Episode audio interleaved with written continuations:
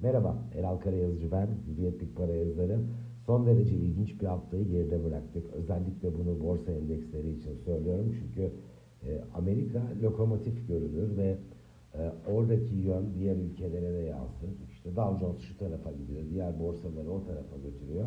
Fakat geçen hafta ezber bozan şekilde Amerika'nın negatif ayrıştığı bir tonla karşılaştık. Şöyle ki hafta bütününde e, Amerikan borsalarında yüzde üç kadar kayıp gördük. Fakat Asya, Avrupa borsalarında yüzde bir, bir buçuk arası dolar bazında söylüyorum değer artışlarıyla karşılaştık. Amerika'nın bu kadar negatif ayrışması aslında Şubat, Mart, Nisan bölümünde Amerika'nın ortaya koyduğu dayanıklılık özellikle Ukrayna Savaşı'nın etkisiyle Avrupa başta olmak üzere dünya genelinde de borsa endekslerinin değer kaybetmesiyle e, aslında arada bir fark oluşmuştu. Amerika adeta o farkı kapattı değer kaybı yaşayarak. Şimdi Mayıs ayına bir bütün halinde bakarsak e, Amerika cephesindeki kayıp %5.2'ye ulaştı. Fakat Mayıs'ın ilk yarısında e, ölçülü kayıp yaşayan diğer borsa endekslerinde ise Nisan kapanışına yakın değerler görüyoruz. İşte Almanya örneği %0,3 kadar sadece sınırlı bir kayıp var Mayıs bütününde. Gelelim Türkiye'ye.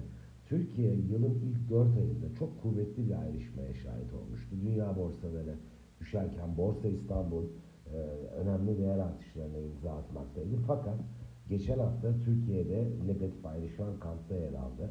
Bu Mayıs bütünü içinde geçerli. Geride kalan 5 hafta endekste 2562 zirvesi test edildikten sonra TL bazında %7,5 kadar bir kayıp gördük ve 2372 puanla BIST 100 endeksi geçen haftayı noktaladı. Şimdi yurt içindeki tabelaya biraz daha kapsamlı bakalım dersek e, Mayıs değişimi TL bazında %2.4. Demin verdiğim e, değişim o Nisan'daki en yüksek seviyeden geri esnemesi. Fakat yılbaşına e, kıyasla halen Borsa İstanbul Türk Lirası bazında %27.7 yukarıda. Ee, ilk 5 ay çok kuvvetli bir enflasyon var. Mayıs'ı e, Haziran başında öğreneceğiz ama tahmin ediyorum %38'e yakın bu 5 aylık dönem için bir enflasyon çıkacak karşımızda. %31.7 ilk 4 ayın enflasyonu. Ee, burada enflasyonun aslında %10'a yakın e, borsa endeksinde bir geri kalış, enflasyonu yakalayamamış e, olmak söz konusu döviz tarafı hareketliydi yurt içinde. E, uzun zamandır aslında senenin başından beri diyebiliriz. E, döviz kurları sakin seyir içindeydi. Ölçülü değer artışları görüyorduk ama TL karşısında bu çok büyük değişimleri beraberinde getirmiyordu. Geçen hafta öyle olmadı. Hem euro hem dolar Türk lirası karşısında yüzde yedi kadar bir artışa imza attılar. E, Mayıs ayında özür dilerim yüzde yedi kadar artışa imza attılar bir bütün halinde baktığımızda haftalık bazında geçen hafta o Mayıs'ın talepli seyrinin sürdüğüne şahit olduk. Şimdi neler etkili oluyor? Bir kere borsada gördüğümüz negatif ayrışmada e, bence e, enflasyona endeksli yeni bir enstrümanın gelme ihtimali, bu konuda hazırlıklar yapıldığına ilişkin resmi açıklamalar oldu. E, bizde alım iştahını yerellerin kıran önemli bir dinamik, önemli bir faktör oldu. Yabancı yatırımcıların da e, çok fazla bir etkinliği yok borsada. Sınırlı da olsa genelde satış tarafında yer alıyorlar. Yereller eyvah enflasyona karşı koruma sağlayacak yeni bir ürün gelecek beklentisine girince de hem satış tarafında biraz daha iştahlı olduklarını, alış tarafında da razlandıklarını gördük. E, biz BIST 100 endeksinde bir süre daha bu negatif ayrışmanın devam ettiği e, bir resimle karşılaşabiliriz. En azından var olan bilgi setiyle. Fakat yurt dışında gördüğümüz yeni haftada da talepli bir başlangıç var. %0,7 %1 arasında biz bu kaydı alırken Asya endeksleri talepli.